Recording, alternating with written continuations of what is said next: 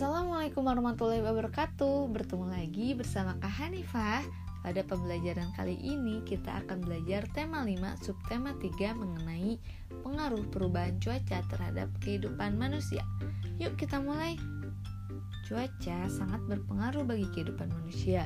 Keadaan cuaca dapat dipengaruhi oleh tiga unsur Yaitu matahari, angin, dan air Perubahan cuaca sangatlah berpengaruh terhadap kehidupan manusia dimulai dari ketersediaan sumber daya alam, ketersediaan alat transportasi, bahkan kelancaran aktivitas manusia.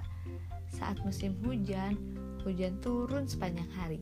Hal ini dapat menyebabkan banjir karena saluran air yang tidak dapat menampung air hujan dan manusia sering kali membuang sampah sembarangan. Jadi, saluran air tersumbat deh. Lalu, saat musim kemarau, matahari terasa terik. Hujan tidak turun.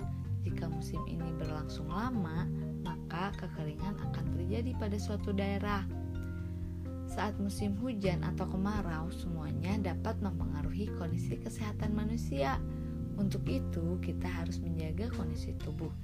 Caranya yaitu saat cuaca panas, tindakan yang perlu kita lakukan seperti satu, Minum banyak air putih kita dianjurkan paling tidak meminum 8 gelas atau 2 liter air dalam satu hari.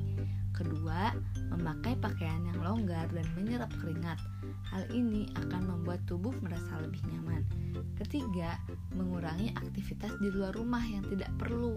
Jauhkan dari terkena sinar matahari terik terlalu lama. Lalu saat cuaca dingin yang kita lakukan adalah satu, mengkonsumsi makanan sehat dan vitamin yang cukup. Dua, memakai pakaian yang tebal dan hangat.